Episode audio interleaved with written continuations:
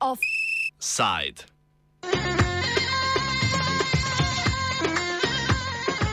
Davki, smrt, Netanjahu. Benjamin Netanjahu po zmagi na izraelskih volitvah sestavlja vladno koalicijo. Sklenil je že koalicijski pogodbi s strankama Judovska moč in Noam.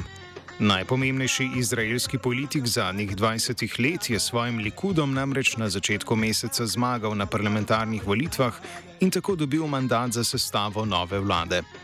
Stranka Likud, nekdanjega in bodočega predsednika izraelske vlade, je na že petih parlamentarnih volitvah v zadnjih štirih letih dobila 32 sedežev, Netanjahujeva predvolilna koalicija pa je dobila 64 od 120 sedežev v Knesetu. Verska sionistična stranka, judovska moč in Noam, ki so na volitvah kandidirale združeno, so dobile 14 sedežev, stranka Šas 11, združena Tora judaizma pa 7 sedežev. Omenjene štiri stranke naj bi se po napovedih združile v koalicijo, ki mora biti sestavljena do sredine decembra.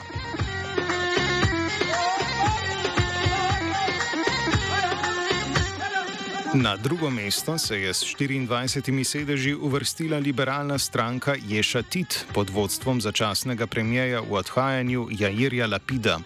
Ponovna izvolitev pomeni Netanjahujevo vrnitev na oblast po začetku sojenja zaradi korupcije in 14-mesečnem delovanju v opoziciji.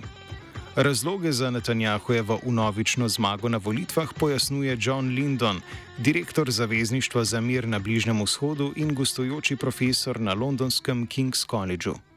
Well, the first reason really is that the vote for the, the Zionist left, for the left wing parties, uh, left wing Jewish parties in Israel, um, was badly allocated in that Meretz, the, the, the more left wing of the two left wing Zionist parties, failed to reach the threshold of 3.25%, which meant that um, uh, you know four seats that would have gone to uh, the sort of centre left coalition disappeared essentially, giving basically automatically uh, a strong advantage to the right wing bloc.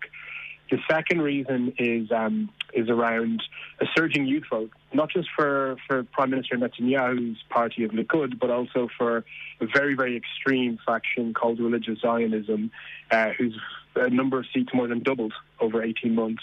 Uh, they've gone from six to 14 seats in this new Knesset, and now will be the second biggest party in the new coalition. And they're a very extreme. Pogajanja s koalicijskimi partnerji sicer še potekajo, je pa Netanjahojeva stranka Likud že podpisala dva koalicijska sporazuma. Prvi dogovor, ki na mesto ministra za varnost in policijo postavlja močno protiarabsko napirjenega Itamarja Ben Gvira, je bil podpisan skrajno desno stranko Judovska moč. V pristojnosti Bengvira bo tako nadzorovanje dela policije in paravojaških varnostnih sil, ki z izraelsko vojsko delujejo na palestinskih ozemljih. Brutalna represija izraelske policije in vojske nad palestinci bi se tako lahko še zaustrila. Ben Gvir je namreč v preteklosti že pozval k priključitvi celotnega zahodnega brega Izraelu. Going to be a narrow, right wing, religious, very, very male coalition, and really um, it's new territory for Israeli politics. Again, it's to be seen how it's going to impact internal Israeli uh, policies and dynamics, but also the situation with the Palestinians because uh, the uh, the security context. I mean, just overnight, uh, looks like three Palestinians were killed. There's been a car ramming today uh, in the West Bank too. The situation is very, very fragile, and a coalition like this, it is worrying to imagine what policies and incentives may be set down. Drugi sporazum je Likud sklenil z versko-nacionalistično stranko Noam. Njen voditelj Avi Maos bo postal namestnik predsednika vlade in znotraj premijevega kabineta vodil novo ustanovljeni organ za judovsko identiteto. Prevzel bo tudi vodenje Nacionalnega centra za judovske študije, identiteto in versko spreobrnitev. Tako bo odgovoren za krepljenje judovske identitete med Izraelci in na novo priseljenimi v državo. Sprejeta koalicijska dogovora napovedujeta najbolj desno vlado v zgodovini Izraela. Well, it's not fully finalized yet, but it looks quite likely that the coalition will be the most right wing and religious one in Israeli history. So it'll be led by uh, Prime Minister Netanyahu and Likud, who are the biggest party. Um, and then the next uh, party will be um, Religious Zionism, as I mentioned, which is sort of a fusion of a couple of right wing and religious, uh, very, very right wing uh, parties. Um, two men are important. Um, one, his name is Bezalel Smotrich, and the other is Itamar Ben Gvir. And they are uh, very, very far right leaders who have been um, campaigning really around issues around equality between Arab and Jewish citizens, very much opposed to that uh, and also incredibly hardline views on um, the West Bank and on Israel's relationship with the Palestinians. And we really haven't had people like Itamar Ben Gvir, who's looking likely to become the new internal security minister, so in charge for, for the police and the border police, in positions of ministerial power before. He's somebody who was banned from serving in the IDF because of security concerns about his own conduct. Um, he used to have a picture of um, of the man who carried out the Hebron massacre with Tomb of the Patriarchs in 1994 in his living room, and has um, really campaigned against um, Arab Palestinian citizens of Israel and against Palestinians in the West Bank and in Gaza for all of his public life. Um, then the next party we, parties we have will be two ultra Orthodox parties. One is United Torah Judaism, and the other is Shas and they represent the growing number of Israeli citizens who come from the ultra Orthodox community. They tend to um, be much more focused on delivering uh, budgets and priorities for their, their constituents who, who make up uh, Israel's both Mizrahi, so uh, Jews from the Middle East and North Africa, and Ashkenazi, Jews from Europe. They're um, uh, ultra Orthodox constituencies. Altogether, that's a very right wing and very religious coalition, as I mentioned, one that surpasses any we've seen before. It's also the most male coalition we'll have ever seen. Becalel Smotrič, vodja verske sionistične stranke, kot pogoj za pridružitev koaliciji zahteva, da sam postane minister za obrambo, čemu močno nasprotujejo Združene države Amerike. Verska sionistična stranka zahteva tudi reformo sodnega sistema, ki bi parlamentu z navadno večino omogočila zaobiti sodbe vrhovnega sodišča. Tako Netanjahu kot Smotrič si želita ukinitve kaznovanja goljofije in zlorabe zaupanja, česar je obtožen Netanjahu, in zagotovitve imunitete pred sodnim pregonom trenutnim ministrom, poslancem in predsedniku vlade.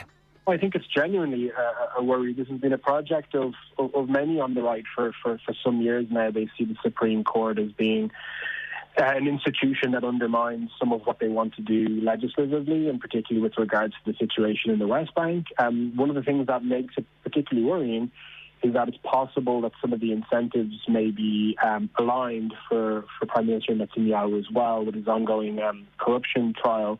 Um, the idea that the, the judicial branch will be undermined, potentially allowing him and his trial to, to, to, to, not take place means that he may have some sympathy with some of those who have been uh, urging for, for redefining the role of the courts in Israeli society. So I think it's likely to be a high priority for, for several members of the coalition. And the question really is whether opposition to these sort of measures can be um, uh, can be crystallized within the Knesset, within the opposition parties, and also from from friends of Israel and international partners to make clear that Israel's status as a democracy is really linked to the independence of its judiciary.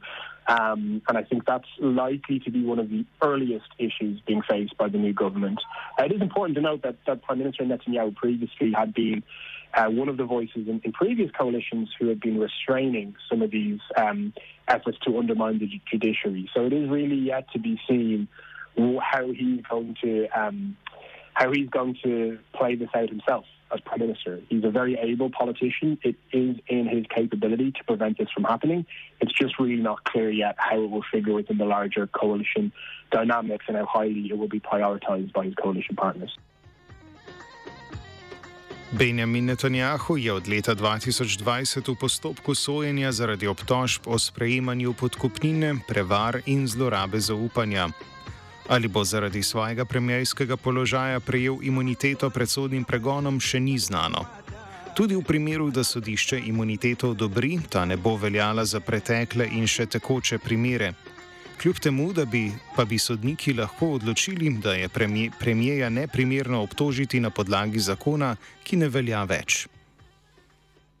This is going to be an ongoing process. I think, irrespective of the judicial changes we spoke about, um, it, it, will be and has been a lengthy trial going on for years. Um, and I think, in general, the Israeli public have been following it and prioritizing it as an electoral issue less than in the past. So the first the first couple of elections that we had in this kind of ongoing cycle of five were very much focused on Prime Minister Netanyahu's corruption trial and there was street protests around it.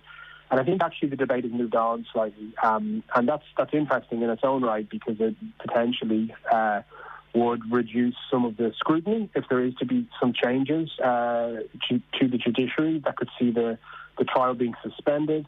One of the things being talked about is the introduction of a law. It's called French law, colloquially in Israel, because there is a similar law in France which um, gives the prime minister or the president immunity from from prosecution whilst they serve. Uh, and there are definitely people within Likud, within Prime Minister Netanyahu's party, who have talked about uh, the desirability of that law. Uh, and one one hypothesis is that that law would be passed, and even though it would not uh, retrospectively uh, be enacted, so it wouldn't actually apply to an ongoing trial, people have speculated that the judge the judges would say that it was uh, inappropriate to prosecute a sitting prime minister under a law that no longer stands. This is all very hypothetical. We, we really don't know, but I expect in 2023 this will be one of the biggest debates as some of the coalition dynamics we spoke about earlier begin to play out and much more concrete proposals begin to be publicised around how um, how the judiciary will be will be changed. Desničarska versko-nacionalistična koalicija se bo tako v Izraelu udejanila, kot kaže, do konca tekočega leta. Vendar to za odnos države do palestinskega prebivalstva verjetno vendarle ne pomeni tako hudega udarca, saj je genocidalna naravnanost do palestincev inherentna vsem izraelskim strankam in koalicijam. Bo pa nova koalicija, ki si zastavlja velikopotezne cilje spremembe državne ureditve, z gotovostjo dober preizkus dejanske demokratičnosti edine demokracije na Bližnjem vzhodu, kakor sama sebi pravi apartheidska država.